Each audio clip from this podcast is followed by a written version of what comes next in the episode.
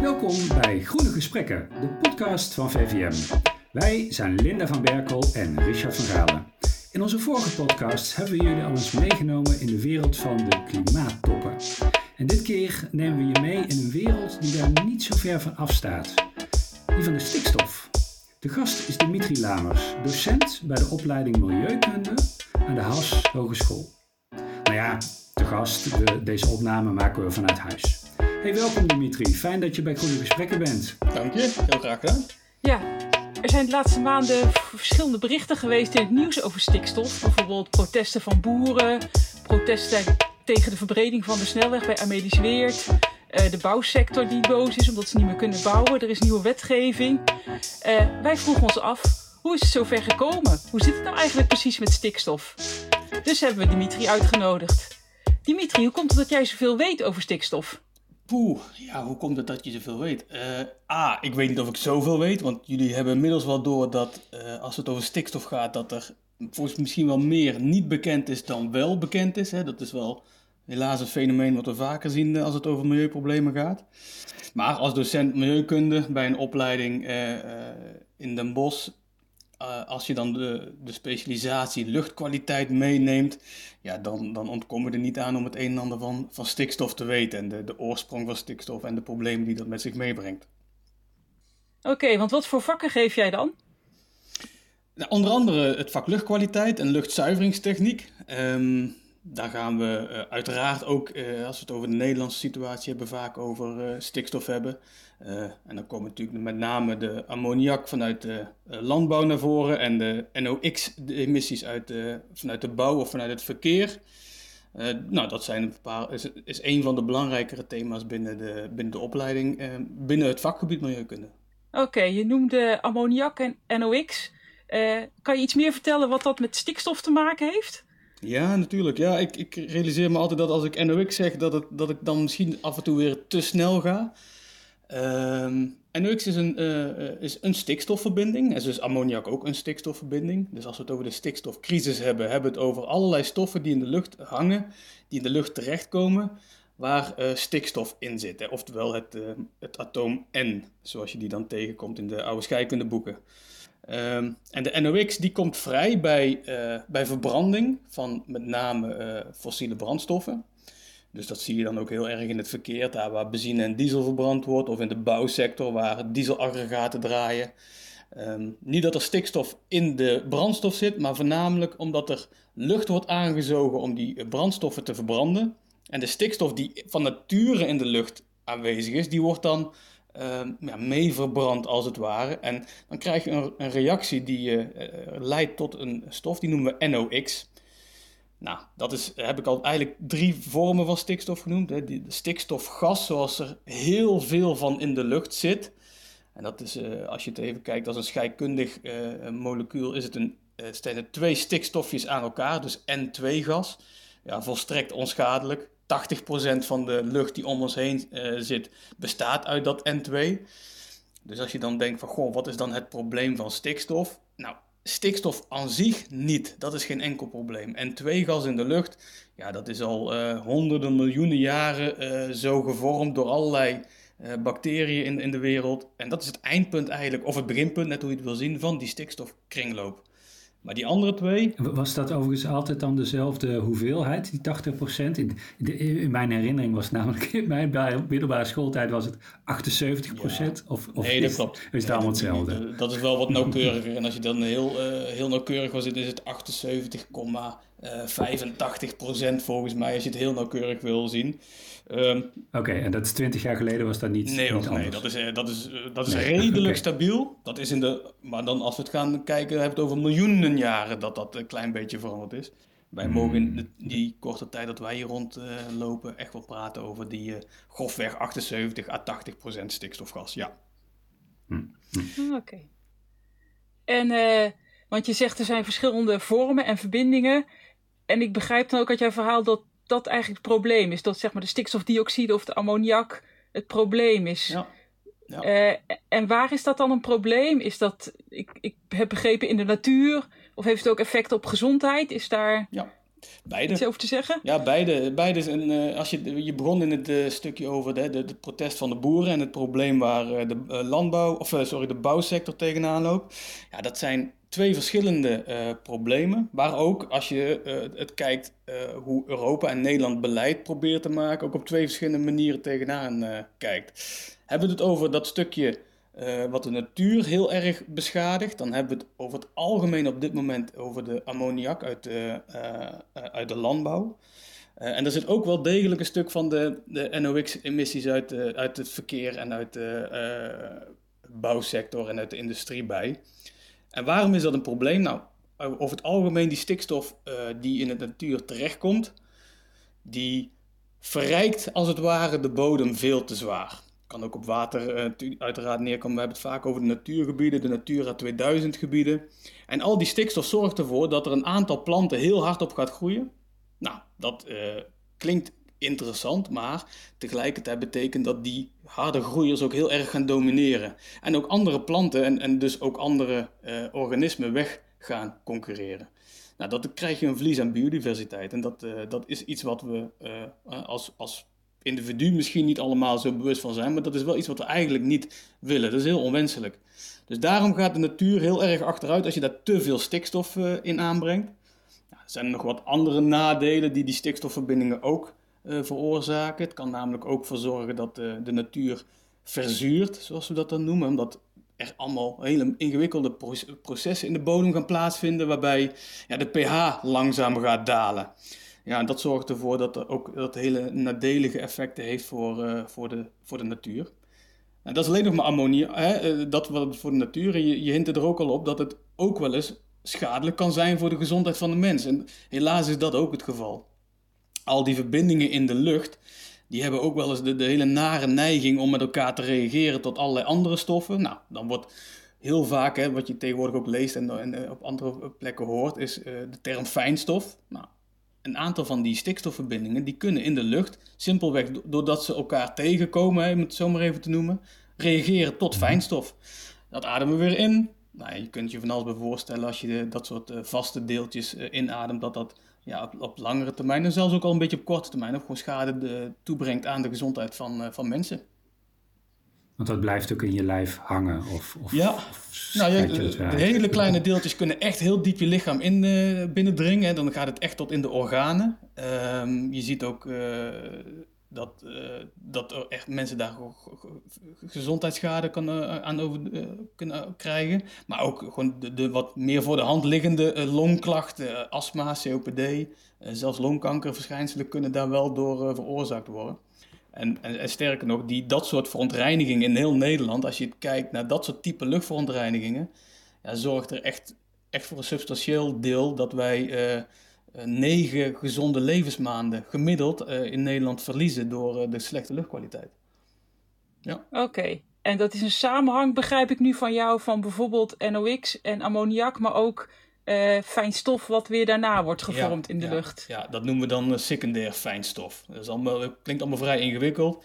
Uh, maar fijnstof wat reageert door chemische reacties in de lucht, van, door allerlei verschillende verontreinigingen, waaronder een aantal stikstofcomponenten, reageert uiteindelijk tot een fijnstof die, ja, waar jij dan als, als persoon, als je dat inademt, echt last van kunt krijgen. Ja, we hebben net al een paar bronnen genoemd, zeg maar. Of jij hebt ook wat bronnen genoemd.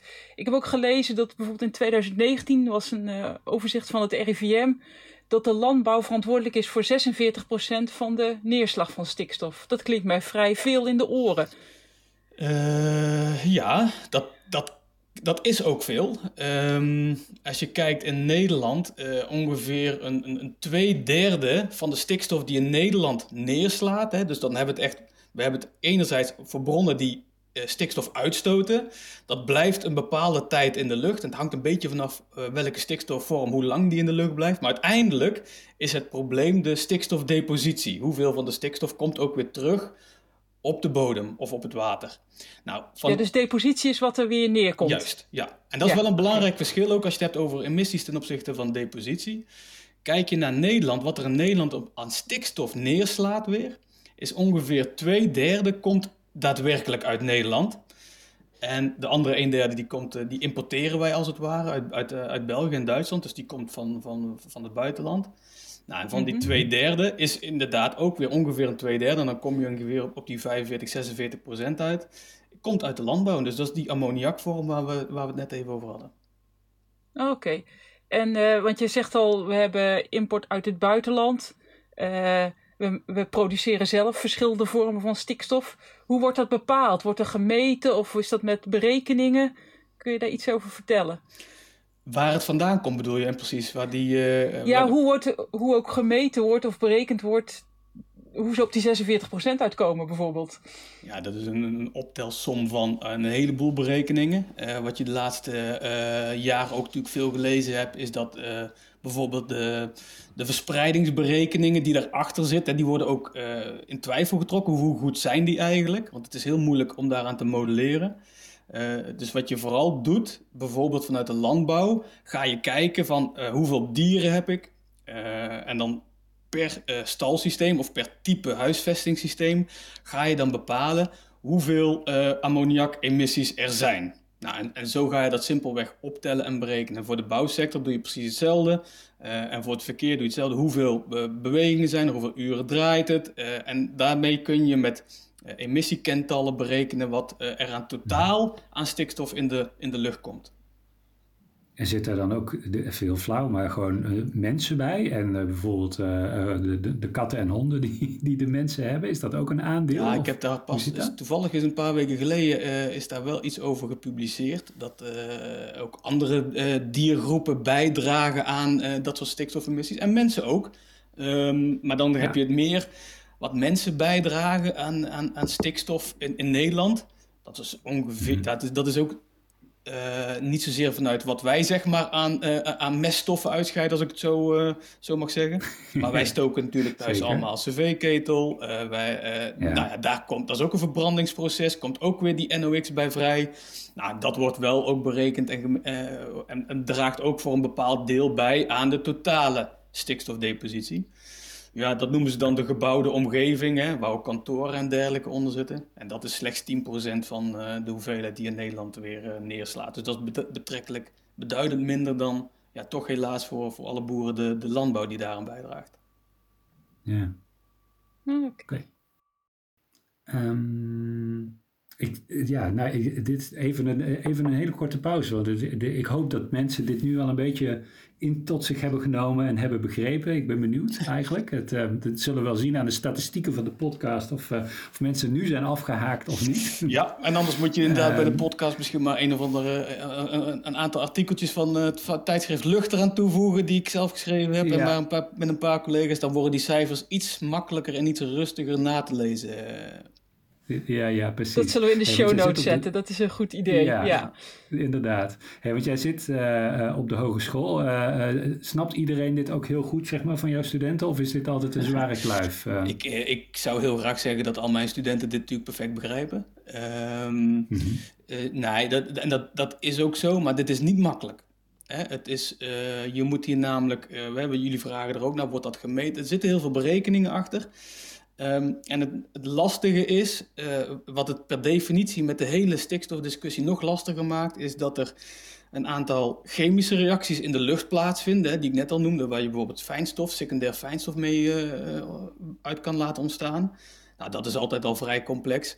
Maar daarnaast heb je ook nog in de bodem allerlei biochemische processen. Dan klinkt het nog moeilijker. Dat betekent hmm. dat bacteriën weer verschillende stikstofvormen omzetten in andere vormen. Um, ja, en al die chemische en biochemische processen goed in de vingers krijgen is, is ontzettend lastig. Dat, dat zie je ook bijvoorbeeld in, uh, in heel veel van de maatregelen die genomen worden. Maar proberen we ook uh, in die stalsystemen ook met, met bijvoorbeeld luchtwassers uh, gebruik van te maken van eigenlijk alles wat er aan kennis door moeder natuur ooit is bij elkaar verzameld in die stikstofcrisis, proberen, of in die stikstofkringen, proberen wij daar ja, te kopiëren en toe te passen. En ja, dat is niet makkelijk ja. om, om zomaar 1, 2, 3 te begrijpen.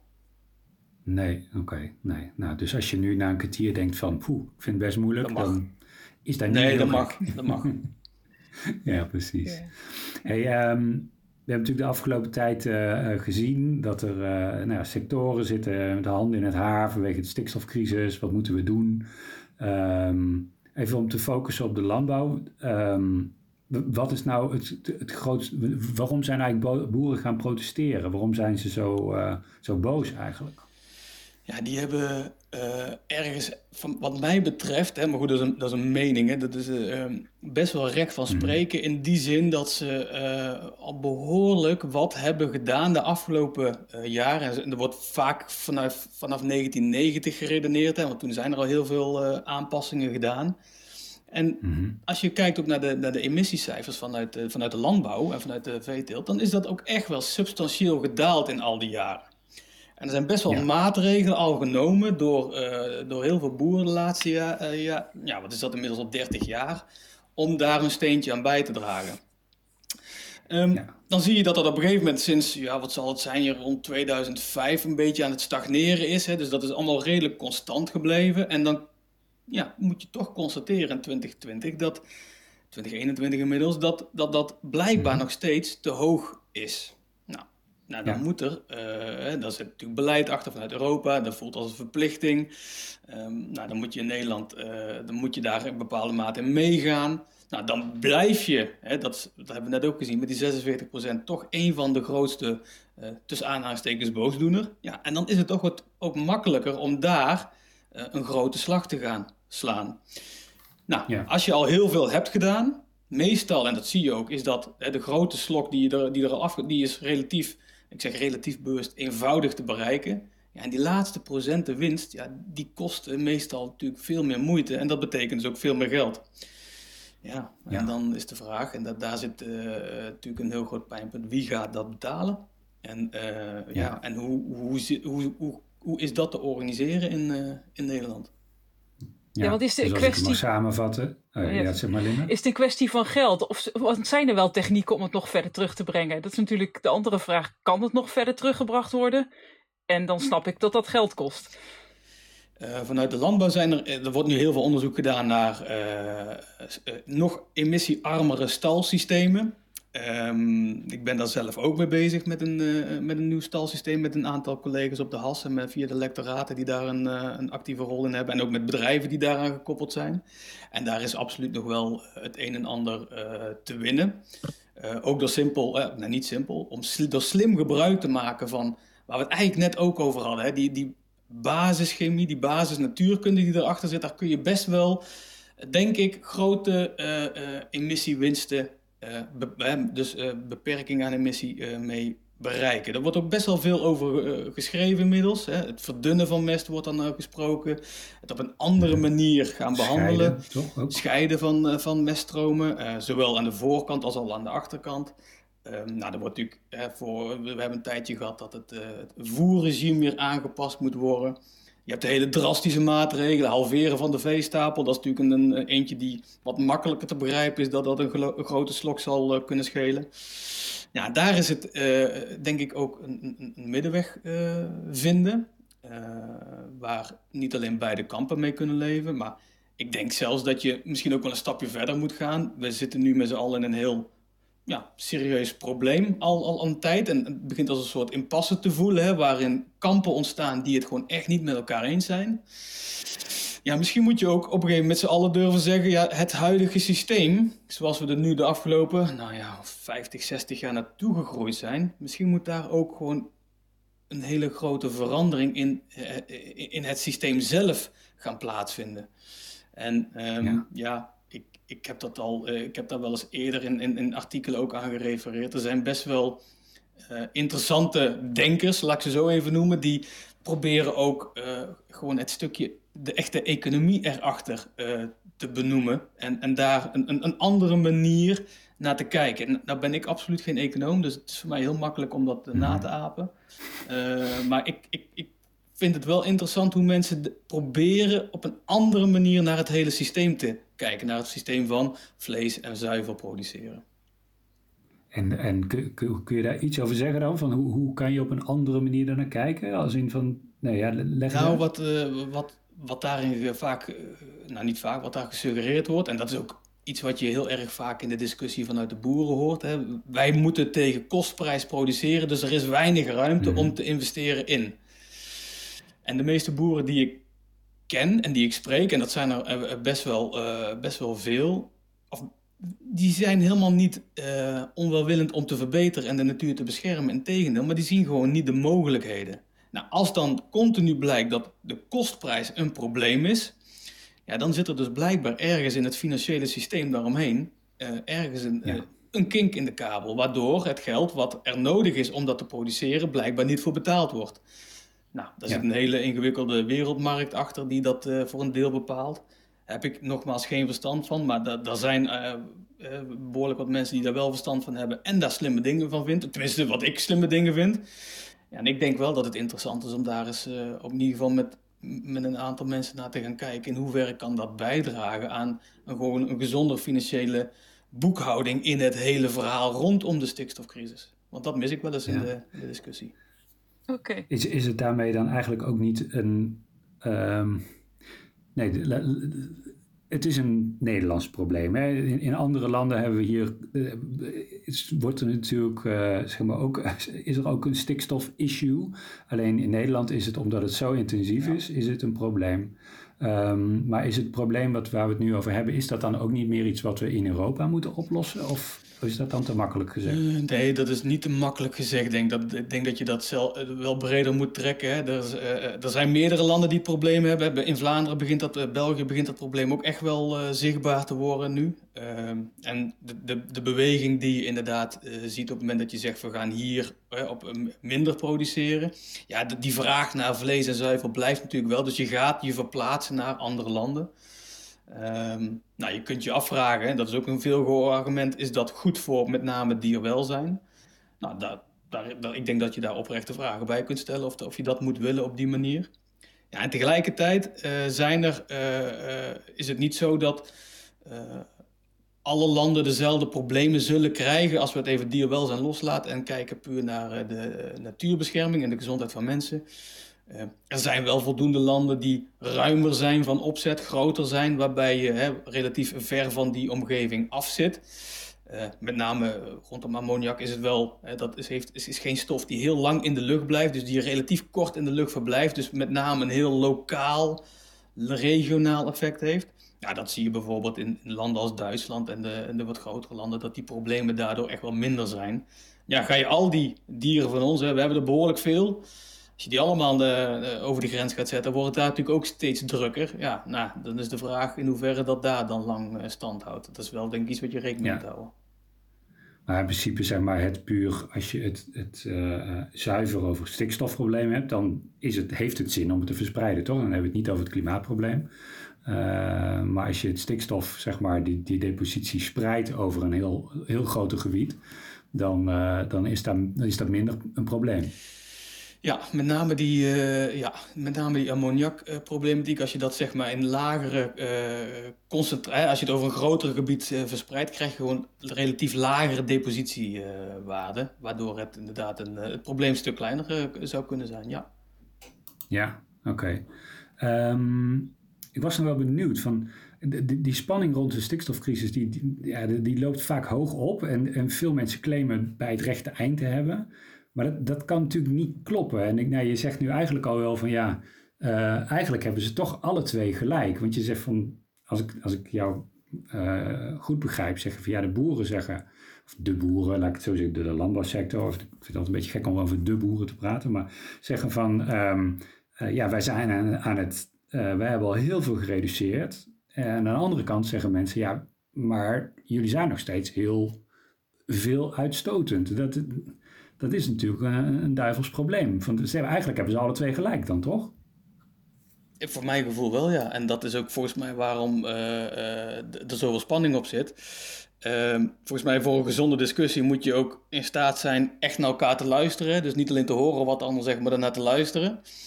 Ja, en als je dan moet constateren dat, dat je allebei een kern van, een, wel degelijk een kern van waarheid hebt, spreekt, ja, dan, dan, dan ligt dus de oplossing, hè, zoals die zo vaak in het midden ligt, blijkbaar niet in het midden. Moet je ergens anders gaan zoeken. En, en ja, dat is wat ik net ook, nou, niet, niet, niet om me gelijk te halen, maar meer probeerde te hinderen. Volgens mij ligt dan de oplossing echt in het anders denken en het anders tegen de, de situatie aankijken. En ja, helaas is dit, uh, is het, gaat het vaak om geld. Zo, zo, simpel is het. En dat is ook niet zo heel gek natuurlijk als je kijkt over hoeveel beesten het gaat in Nederland. En, en over hoeveel mensen uh, het gaat die daar in die, ja, niet alleen als, als boer, maar ook in die hele sector daaromheen uh, werken. Ja, is het ook wel eentje die uh, behoorlijk veel impact heeft op, op, op alles en iedereen die daarbij betrokken is. Dus dat is ook een, ja, je zegt duivels dilemma. Ja, dat, dat blijft natuurlijk ook. Anders had het ook vast wel al eerder, als het geen groot probleem was geweest, dan had het ook vast wel eerder op kunnen lossen. En blijkbaar is het gewoon lastig genoeg om het, ja, dat het heel veel tijd moet. Ja. Heb je daar, is er een zeg maar, heb je daar ook wel eens discussies over met je studenten, zeg maar, dat het, uh, nee, je zei net al, er zijn ook hele andere oplossingen mogelijk. Uh, moet misschien niet het hele systeem aangepast worden. Hebben jullie het daar wel eens over? Ja, dat, ja, zeker. Ehm, meer dan eens. Uh, ik zei al, jullie kondigden al aan dat ik lesgeef bij de opleiding Milieukunde aan Has Hogeschool. Nou, binnen Has Hogeschool, uh, vroeger was dat de Hogere Agrarische School, dat is tegenwoordig, heet het gewoon Has Hogeschool. Maar dat betekent ook dat er nog wel van oudsher agrarische opleidingen bij ons in de Has zitten, waaronder dier- en veehouderij. En ja, die kijken natuurlijk, hè, de, ook op een hele andere manier als een, als, dan ik als milieukundige er tegenaan. Uh, maar ik geef daar ook les in, in het vierde jaar bij de opleiding dierenverderij. Geef ik ook les in het uh, omgaan met uh, stalsystemen, emissiearme systemen. En daar heb je die gesprekken zeker. Ja. En ik denk ook. ik, ik sta daar ook niet om als zeg maar van oudsher grijze wollen sok het beter te weten. Nee, volgens mij moet ik daar staan als iemand die een bepaalde kennis heeft van een stukje chemie, biochemie, eh, die hele stikstofkringloop. En uh, zij daar bezig met, uh, met hun belang van hoe, hoe, kun je op een goede, kosteffectieve manier vlees en zuivel produceren. En dan kun je, voor, en dat is, dus, ik vind dat heel leuk hoor, want dan kun je best goede gesprekken voeren over. En uiteindelijk constateren dat je inderdaad doorhebt wat het probleem is. Ja, en dan, dat is wel een manier om op één lijn te komen. En ja, niet om ons bij de hals op de borst te kloppen, maar daar intern is dat, hè, in een klein groepje is het natuurlijk wat makkelijker om het op een gegeven moment met elkaar eens te zijn als in de politiek. Als hè, alle trekkers op het Malieveld staan, dan krijg je toch een soort ander spanningsveld, dat snap ik allemaal. Maar ook daar denk ik wel weer dat het in de essentie daar wel op neerkomt. Durf je naar elkaar te luisteren? Heb je oog voor elkaars belang? En, en dat, dat is wel een heel belangrijk, maar ook begrip daarvoor. En, en zo moet je, denk ik, een, een, stap zien te maken. En ja, ook dat is niet van vandaag op morgen gelukt. Nee, dat, snap ik. En het zijn natuurlijk wel de veehouders van de toekomst die jij vandaag lesgeeft. Voor een, voor een deel. Ja. ja, dat hoop ik wel. Dat, uh, dat hun daar in ieder geval, hè, en, nogmaals, niet om mijn gelijk, want ik weet niet of mijn gelijk het gelijk is, maar wel in ieder geval dat ze met uh, iets uh, proberen, met die, ook met dat begrip van waar ik vandaan kom, hè, met toch meer oog voor gezondheid van mensen en van natuur, want dat is mijn achtergrond, dat is mijn vak, dan uh, dat ze dat een klein beetje meenemen en bewust van zijn dat dat ook een belang is wat, uh, ja, wat mooi zou zijn als we dat met z'n allen kunnen behartigen. Ja. En er is al vrij recent is er nog in de Eerste Kamer een wetsvoorstel aangenomen rondom stikstofreductie en natuurverbetering. Um, volg jij dat op de voet? Weet je, kun je daar iets meer over vertellen? Ik, ik volg dat niet op de voet. Um, ik, ik, ik, weet uh, uiteraard waar dat, uh, waar, waar, dat over gaat. Hè. En dat is natuurlijk met het hele gebeuren vanuit de, de, de pas uh, van, van 2019, hè, toen die is afgekeurd met de, de, nieuwe wet. Programma aanpak stikstof. Ja. Um, en waarom ik het niet op de voet volg, is omdat ik er misschien net zoals heel veel anderen ook een klein beetje moe van word.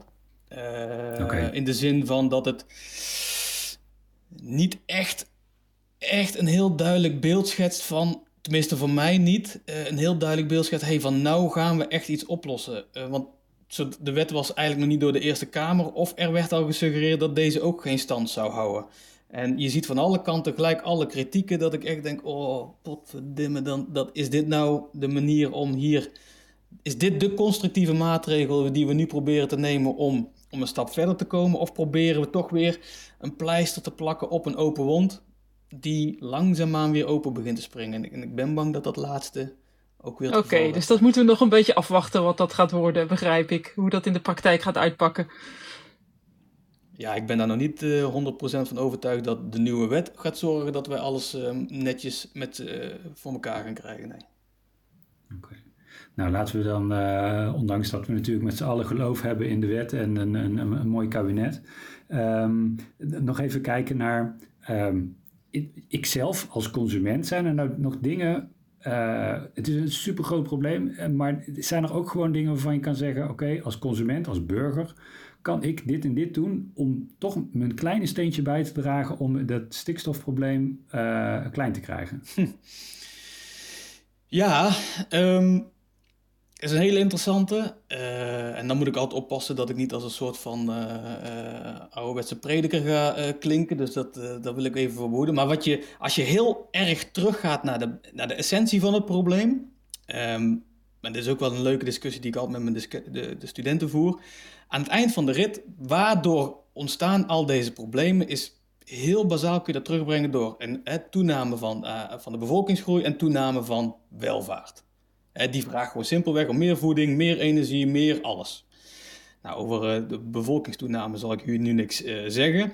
Maar het stukje welvaart, um, ja, daar, daar kun je denk ik wel met, met z'n allen. Uh, ik denk ook vanuit eigen persoonlijk gezondheidsperspectief, eigen portemonnee, het maatschappelijk besef, zou je best wel eens op een aantal vlakken kunnen minderen minder zuivel, minder vlees. Als je kijkt, hè, dat werd een tijdje terug gepubliceerd dat wij ten opzichte van de jaren 50, nee, wat is het, eind jaren 60, inmiddels nu allemaal per hoofd van de bevolking twee keer zoveel vlees eten als toen. Nou, ik weet, ik weet niet of dat per se nodig is. Ehm, nou, dat is een stukje welvaart. Hè. Tuurlijk, hè, vlees is een welvaartsproduct, moeten we ook zeker van, uh, van genieten. Ik roep hier ook helemaal niet op om allemaal vegetariër te worden. Maar ik denk wel dat je daarin kunt balanceren door ja, de, de welvaart niet alleen te uiten in uh, het eten en drinken van al die uh, spullen. Dus daar iets in matigen voor je eigen gezondheid, dat heeft voordelen. Maar ik denk dat het ook uh, mm -hmm. daardoor de vraag naar de producten wat mindert. En misschien zou dat ook nog wel een keer de, dat daardoor het systeem wat meer in, in, in, balans kan raken. Dat denk dat dat zou mooi Ja, dus je zegt mensen moeten gewoon ook zelf nadenken wat het, dat wat ze eten, wat voor gevolgen dat heeft. Ja, maar dat geldt, ja precies. En niet alleen, want dan hebben we het over, weer het, over het landbouw. Hetzelfde geldt voor van, moet je altijd de auto pakken als je naar de boodschappen gaat doen of naar de sportverenigingen gaat. Hè? Moet je al die benzine verdampen en dan die eh, eh verbranden en die NOx'en uitstoten, want ook die stikstof hangt in de lucht. Ja, ik vraag me echt af of dat nodig is op, om zo vaak, zo makkelijk de auto te pakken. Ja.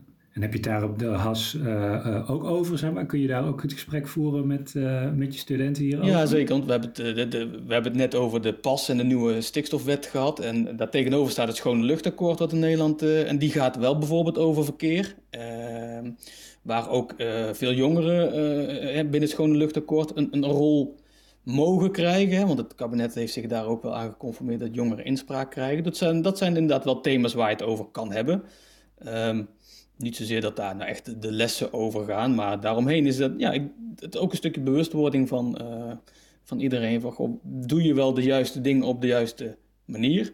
En je ziet wel steeds vaker de laatste tijd dat er ook echt wel een, uh, een link wordt gelegd. Hè? De, uh, de, de, de, steden, hè? Utrecht en, en, en, Amsterdam willen gezondere steden worden. Dus er wordt ook meer aandacht besteed aan niet alleen elektrificatie van het vervoer, maar ook gewoon simpelweg weer gaan fietsen en lopen in plaats van uh, auto's, brommers en dat soort zaken uh, pakken. Nou, dat, is natuurlijk, dat, dat snijdt dubbel uh, hout, want je, je beweegt meer, je wordt daardoor gezonder en je stoot minder schadelijke stof uit. Dat is een positieve insteek. Ja, mooi. Ja, moet ook af en toe positieve ja. dingen zeggen natuurlijk, anders wordt het zo'n chagrijnig verhaal vanavond. Dat is ook niet wat bedoel. Ja, dat lijkt me ook wel fijn om, uh, om zo'n beetje mee af te ronden. Hebben, hebben we, Dimitri, was er nog iets wat op je tong lag waarvan je dacht... Potdorie, waarom hebben we het daar nou niet over gehad? Oh, vast wel. Maar dan, dan zitten we hier denk ik over twee uur, eh, ben ik bang nog, met allerlei uh, details over hele moeilijke chemische verbindingen die waarschijnlijk allemaal niet heel erg ter zake doen voor de mensen die het leuk vinden om eens even een half uurtje naar een podcast te luisteren. Dus uh, volgens mij nee, heb ik uh, okay, geen, nee. geen dringende dingen die nu moeten.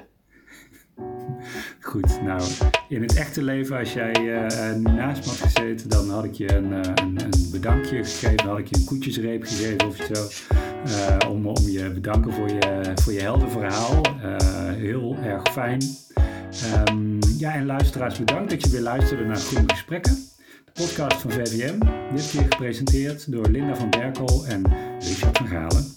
Onze gast was Dimitri Lamers, de docent bij de opleiding Milieukunde aan de Haas Hogeschool en uiteraard ook gewaardeerd lid van VVM. Ja, en mocht je nou meer willen weten over het stikstofdossier, dan verwijs je naar onze groene bibliotheek op de VVM-website www.vvm.info. Daar vind je onder andere een stappenplan hoe het stikstofprobleem opgelost kan worden. We organiseren ook regelmatig activiteiten die het stikstofdossier raken. Dus meld je aan voor de nieuwsbrief of word lid. Tot de volgende Groene Gesprekken.